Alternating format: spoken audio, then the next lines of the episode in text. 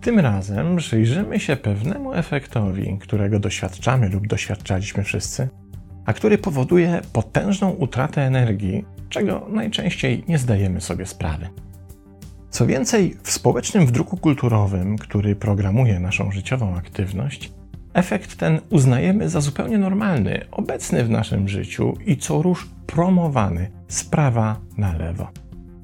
Tymczasem już starożytni mędrcy widzieli w nim demona niszczącego od środka nasz systemowy dobrostan. Chodzi o efekt oczekiwania. Kiedy słyszymy to słowo, to nie do końca potrafimy przypisać mu konkretny negatywny znacznik, bo przecież może dotyczyć bardzo wielu obszarów naszej aktywności, a poza tym doświadczamy tego tak często, że uznajemy go za stały i nieodzowny element naszej codzienności. Codziennie przecież na coś czekamy, aż w telewizji zacznie się nasz ulubiony program, aż zagotuje się woda na herbatę, aż skończy się dzień pracy i będzie można pójść do domu, czy wyłączyć Zooma, czy Skype'a w komputerze. W tygodniu czekamy na weekend, w samochodzie, aż uda się przejechać przez korek, u dentysty, w banku, aptece, aż przyjdzie nasza kolej.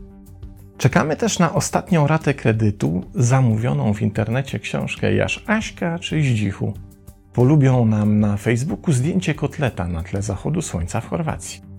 Czekamy na coś w naszym życiu tak często i sumarycznie tak długo, że gdybyśmy chcieli podsumować nasze życie w tej perspektywie, musielibyśmy uznać, że czekanie na cokolwiek jest jedną z najczęściej robionych przez nas rzeczy.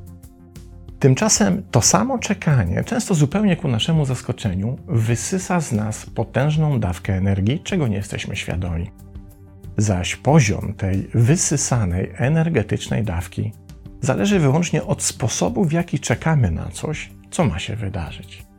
Pokażmy to na przykładzie. Oto przystanek autobusowy w szczerym polu, na którym widzimy jedynie dwóch pasażerów, Antka i Bolka. Obaj czekają na autobus w tę samą stronę. Różnica zaś pomiędzy nimi jest taka, że Antek z minuty na minutę coraz bardziej nerwowo przestępuje z nogi na nogę, a Bolek ma generalnie niezbyt elegancko mówiąc na wszystko wywalone.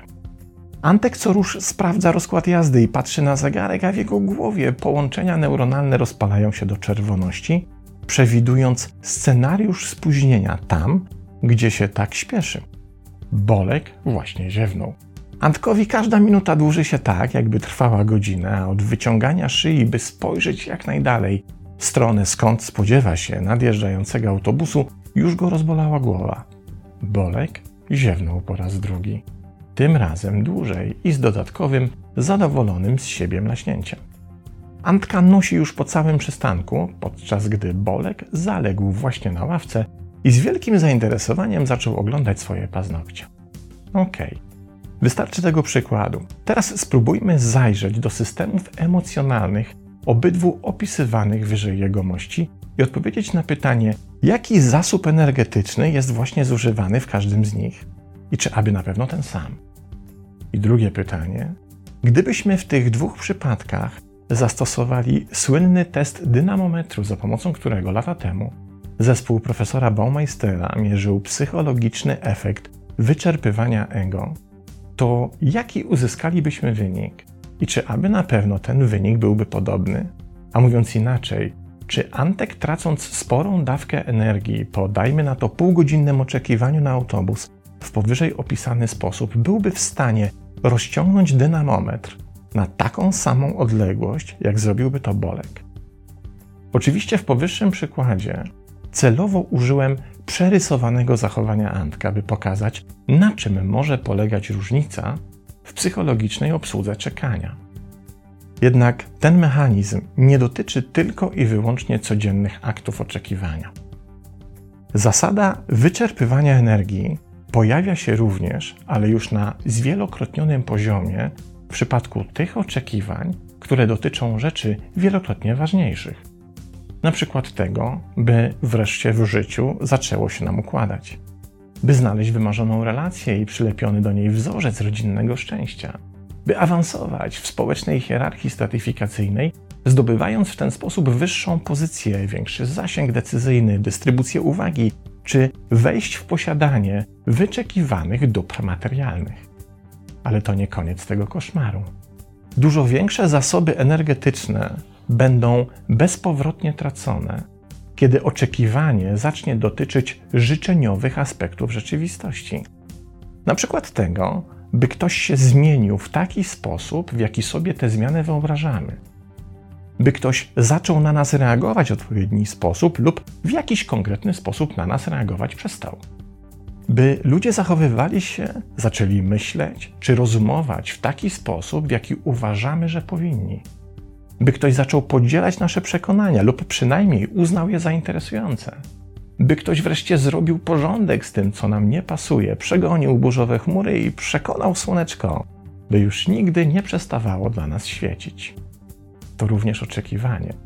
Często dokładnie takie samo, jak to, do którego rytmu tupał zniecierpliwioną nogą Antek na przystanku. Kluczem zaś nie jest samo oczekiwanie, bo w różnych formach doświadczamy go w życiu nieraz. Kluczem jest intencja, którą w ten proces pakujemy.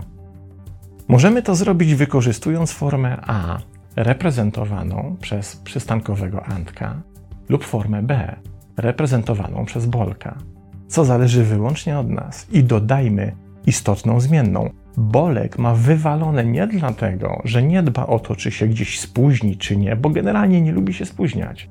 On ma wywalone wyłącznie dlatego, że na to, czy autobus przyjedzie na czas, po prostu nie ma najmniejszego wpływu.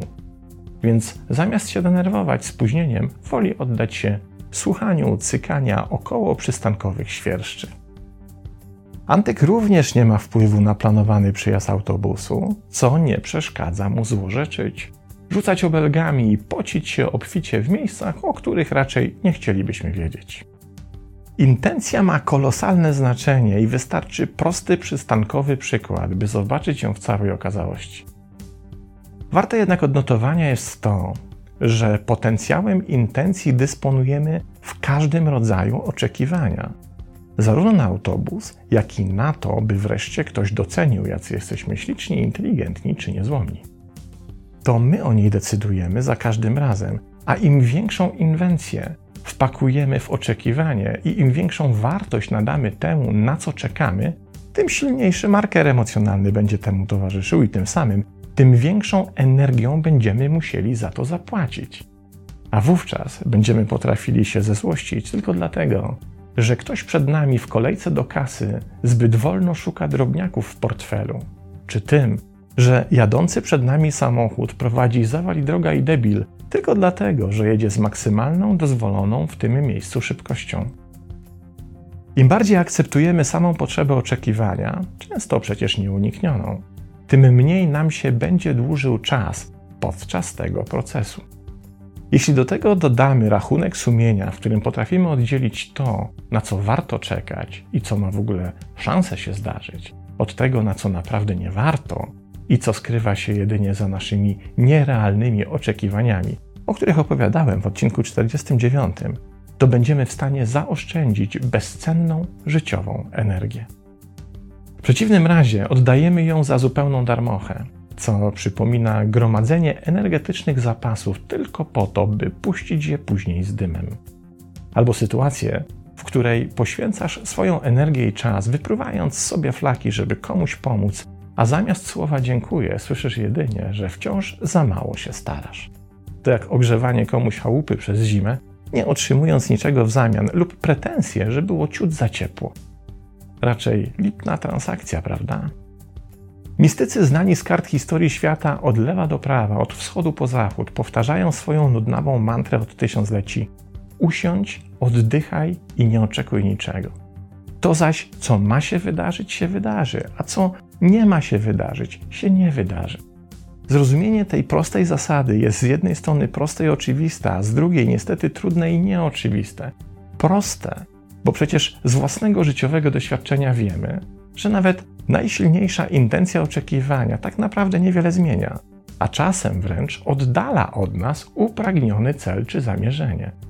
Im silniej czegoś chcemy, tym z większym zapałem macha nam na pożegnanie, niezależnie od tego, czy to coś reprezentowane jest przez pieniądze, status, czy realizację kolorowych marzeń sennych. Im bardziej czegoś oczekujemy, z tym większą natarczywością szarpiemy nasz życiowy dynamometr i tym słabszy wynik za każdym razem uzyskujemy. W końcu zaczyna już brakować energii nawet na to, by wymyślać kolejne cele, których chcielibyśmy oczekiwać, a z biegiem życia oczekiwanie sukcesu często zamienia się miejscami z oczekiwaniem wyłącznie świętego spokoju. Kiedy jednak intencja oczekiwania zamienia nerwowość, życzeniowość i pożądanie oczekiwanego w akceptację i formę B, święty spokój pojawia się dużo szybciej i z większym majestatem. Co warto wziąć pod uwagę w każdym rodzaju oczekiwania.